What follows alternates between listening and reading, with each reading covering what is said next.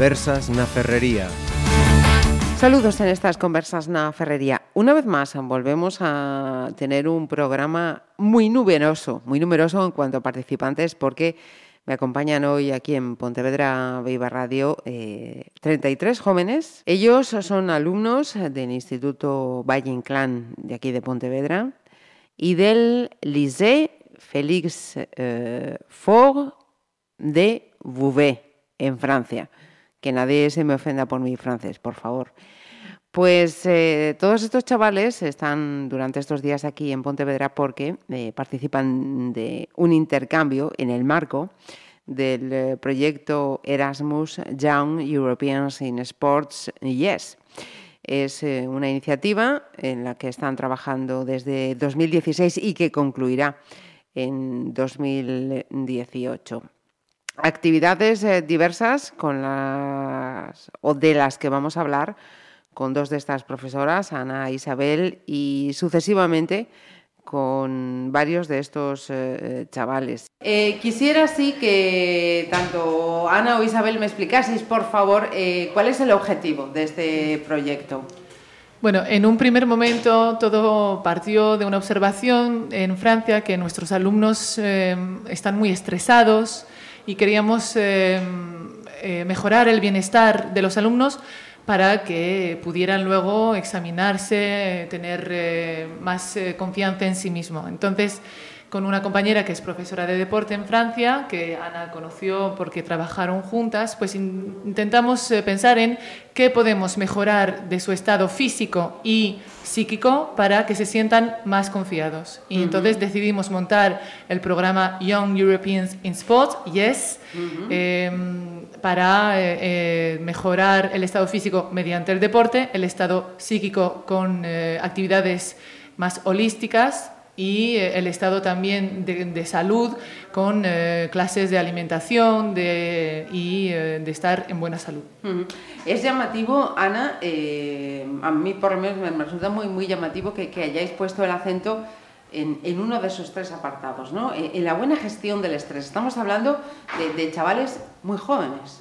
Sí, efectivamente, tienen 15, 16 años, bueno, 16, 17 que tendrán cuando lleguen a segundo de bachillerato y nosotros nos dábamos cuenta que era todo estudiar, estudiar, el tiempo libre, pues la gestión que hacían de él no nos parecía de la más adecuada y entonces por eso propusimos, eh, nosotros por ejemplo proponemos una vez a la semana una actividad a veces física, otras veces psíquica y otras veces, como dice Isabel, pues de alimentación, nutrición y vemos que los niños em empezaron pues un poco desconfiados, no, pero dice, bueno, este, esta semana no voy, uh -huh. eh, la que viene, pero se fueron enganchando y ahora poco a poco vienen todas las semanas a todas las actividades que siempre eh, hacemos que sean atractivas uh -huh. para ellos. Eh, Marina y Carlota se estaban mirando y se estaban sonriendo. ¿Eso por qué es? Porque llevaba razón Ana en lo que estaba diciendo, ¿cómo es? ¿O cómo está siendo vuestra experiencia en este proyecto? Sí, porque al principio todos creíamos que sería no sería nada del otro mundo y que serían actividades pues no atractivas o así y al fin y al cabo pues nos estamos enganchando y ya vamos a todo y cada vez tenemos más ganas de ir a Francia, de hacer actividades y de cuidar más nuestra alimentación y de hacer deporte. Ajá, ¿y en tu caso, Marina? Eh, Carlota. Perdón, perdón, perdón. Eh, en mi caso eh, es igual. Además, eh, últimamente los, las actividades que hacemos eh, son también, eh, al principio como faltábamos, no sabíamos lo divertidas que podían llegar a ser y, por ejemplo, hay algunas que hemos hecho que nos han implicado mucho uh -huh. y han sido más entretenidas y a mí me gustan bastante. Uh -huh y a los eh, invitados estos días aquí en eh, Pontevedra, Elise y Paul. Eh, ¿Cómo está siendo la experiencia, no aquí estos días, sino en el trabajo que estáis haciendo allí en, en Francia? Uh, it's very different uh, because in France we have class uh, all the day, -huh. and in Spain they have class just the morning except the Monday. Uh -huh. And they don't change of classroom So it's very different. O sea, que está siendo muy diferente porque allí están eh, prácticamente en clase y aquí están haciendo cosas muy, muy diferentes que, que no es estar en las aulas todo el tiempo, ¿no? Ellos se dan cuenta más, bueno, desde que están aquí se dan cuenta de las diferencias también de educación, de cultura y claro, hay cosas que son muy semejantes y otras que son muy diferentes. El ritmo, por ejemplo, es algo que les llama mucho la atención. O sea, que el ritmo de los españoles parece que trabajan poco pero al, o que estudian poco, pero al final es un día muy largo. Y nuestros alumnos se dan cuenta de que pues, cuando terminan los chicos las actividades extraescolares, por ejemplo, a las 8, en Francia el día es más corto, o sea, hay más horas de clase, pero a las 5 se termina y ya luego se van a casa a descansar. Aquí las 5 es como la mitad del día. Entonces, hay diferencias culturales así también que les permite abrirse un poquito a otros horizontes y darse cuenta de que la vida tiene un ritmo también diferente en otro país. Ajá. Eh, Elise, ¿a ti te está gustando la experiencia? Eh, sí, para mí sí. Veo que aquí pueden ¿Cómo, ¿Cómo puedo decirlo? Que tienen, sí, como lo, digo, como lo dice mi profe, menos curso, pero nosotros por el curso de Erasmus debemos ir a las 5, a veces sí está un poco, eh, nos molesta un poquito, pero al fin es que es tanto muy bueno, muy, muy, ah, que está muy feliz cuando estábamos eh, juntos, que al fin debemos ir porque es muy mm. genial. Pues eh, si os parece, chicas, hacemos un cambio para que vengan más compañeros a contarnos y a seguir hablando de esta experiencia. Seguimos con más eh, declaraciones, con más experiencias. Ahora tenemos en el estudio a Gael y Camil, bienvenidas. Gracias. Y a Sofía y Natalia. Eh, vuestros compañeros, tanto como Ana y Isabel nos contaban antes cuál es el objetivo de este proyecto eh, Erasmus, Decía yo antes que lleváis con este proyecto desde 2016. Esta semana estáis compartiendo estos días con los compañeros eh, franceses. Eh, contadnos un poquito qué iniciativas, qué actividades habéis estado haciendo en, estos tres días. Ellos creo que llegaron el fin de semana. ¿Y qué, actividades que habéis estado haciendo? Pues el martes a la mañana estuvimos jugando al pádel, que era un deporte que ellos no conocían. Estuvimos jugando al pádel y ayer a la tarde estuvimos haciendo una gincana por, por la ciudad con preguntas sobre la calle como de fuentes o cosas así para que se conociesen la ciudad. Eh, creo además que habéis tenido ocasión de conocer también a deportistas de élite de aquí de Pontevedra. ¿Cómo ha sido la, experiencia? Pues ha sido muy, o sea, ha sido muy guay, nos han tratado muy bien y hemos tenido la oportunidad de conocer a atletas muy importantes que han estado incluso en las Olimpiadas y que tienen grandes competiciones. Ajá. ¿Satisfechos? Sí. y en el caso de, de las invitadas, eh, hasta ahora lo que habéis estado haciendo con vuestros eh, compañeros, ¿qué es lo que más os ha llamado la atención y qué es lo que más os, ha gustado? Preferido eh, la lucha y el eh, padel. Ajá. Sí, porque han tenido un taller de lucha, sí, otro de padel, sí. Esas son las dos actividades que más te, han gustado, ¿no? Sí. Y habéis tenido también ocasión a través de esa gincana de conocer eh, Pontevedra. Eh, la ciudad, ¿qué os está pareciendo? ¿Es muy diferente a Bobé? ¿Ves? Tengo que perfeccionar muchísimo el francés.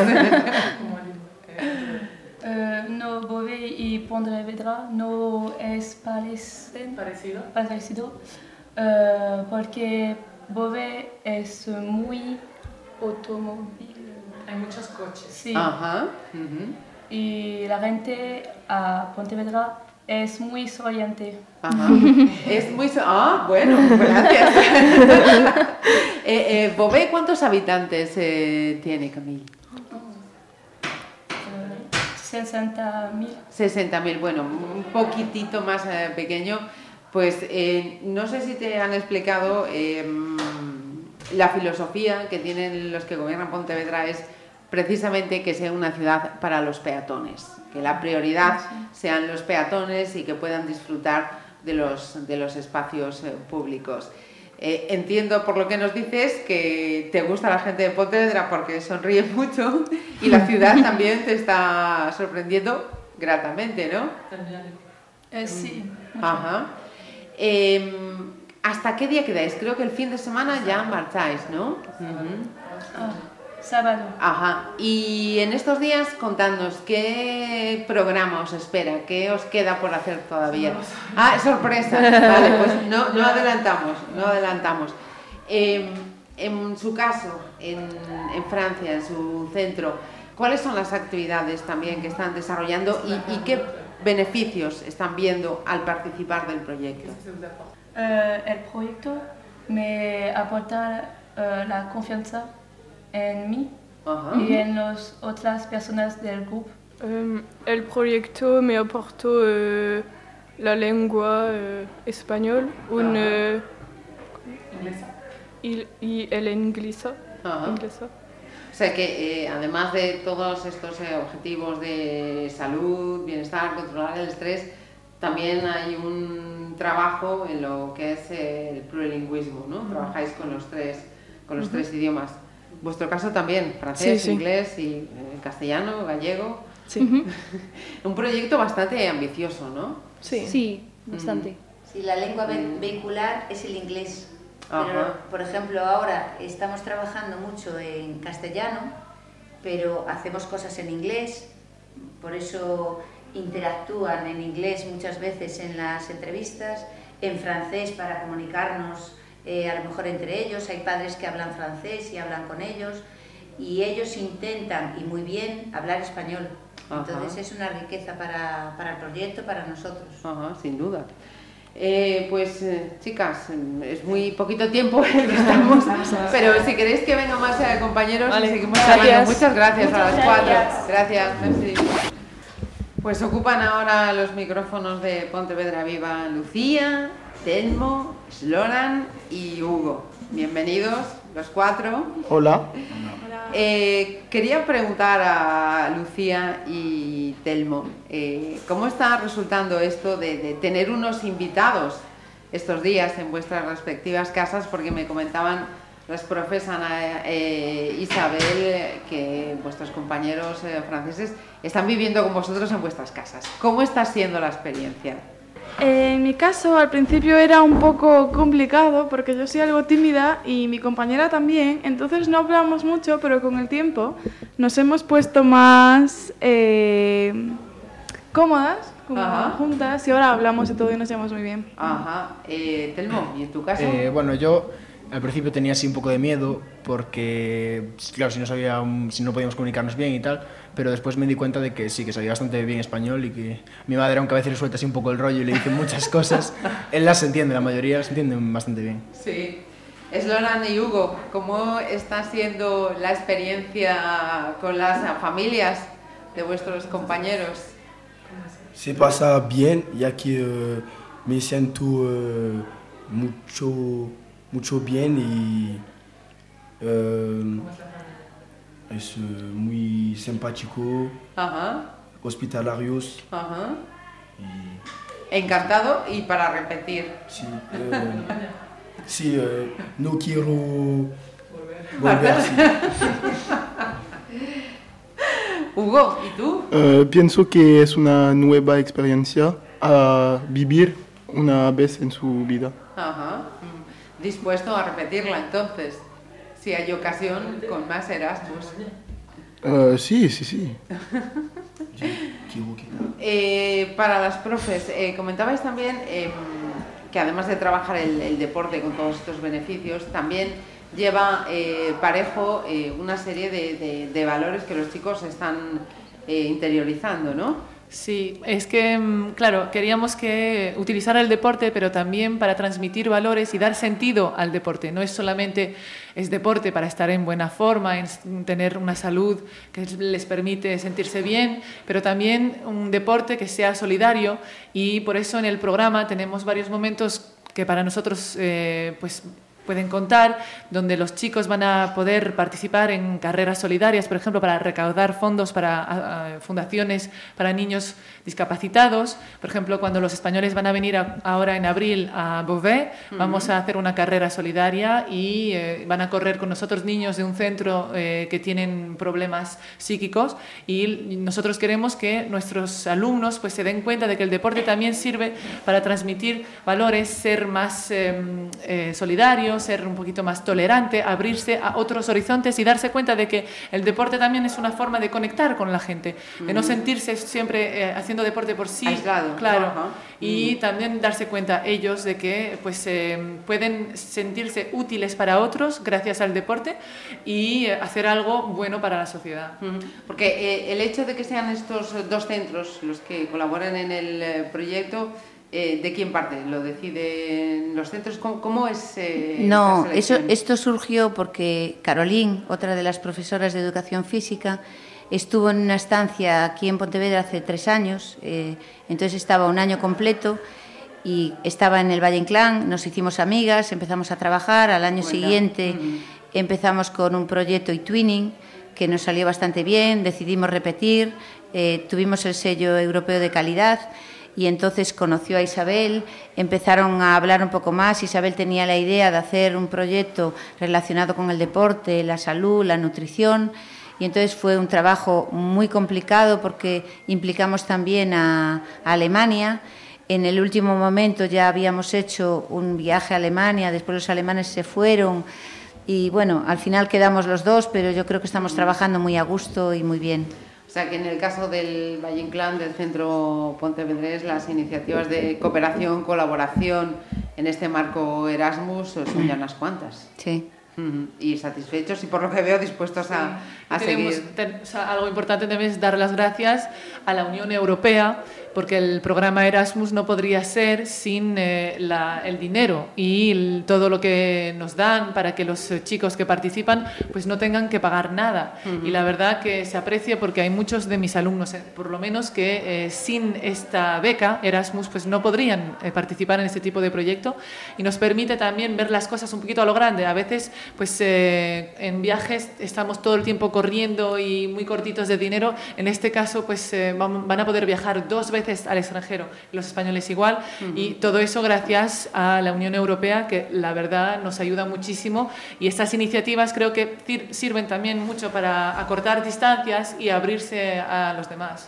La estadía de los eh, chicos pontevedreses a Francia, ¿para cuándo está Es del 23 de abril al 29 de abril. O sea, ya es... Sí, ya tenemos los billetes. Sí, sí, después ellos vienen otra vez en octubre y volvemos a ir nosotros en enero y después se acabaría en junio, pero eh, la verdad el programa no se queda ahí porque tenemos que hacer un informe final, un informe intermedio y eso es lo más laborioso. Es decir, cuando a las seis y media a lo mejor ellos ya se van a casa, es cuando empieza nuestro trabajo.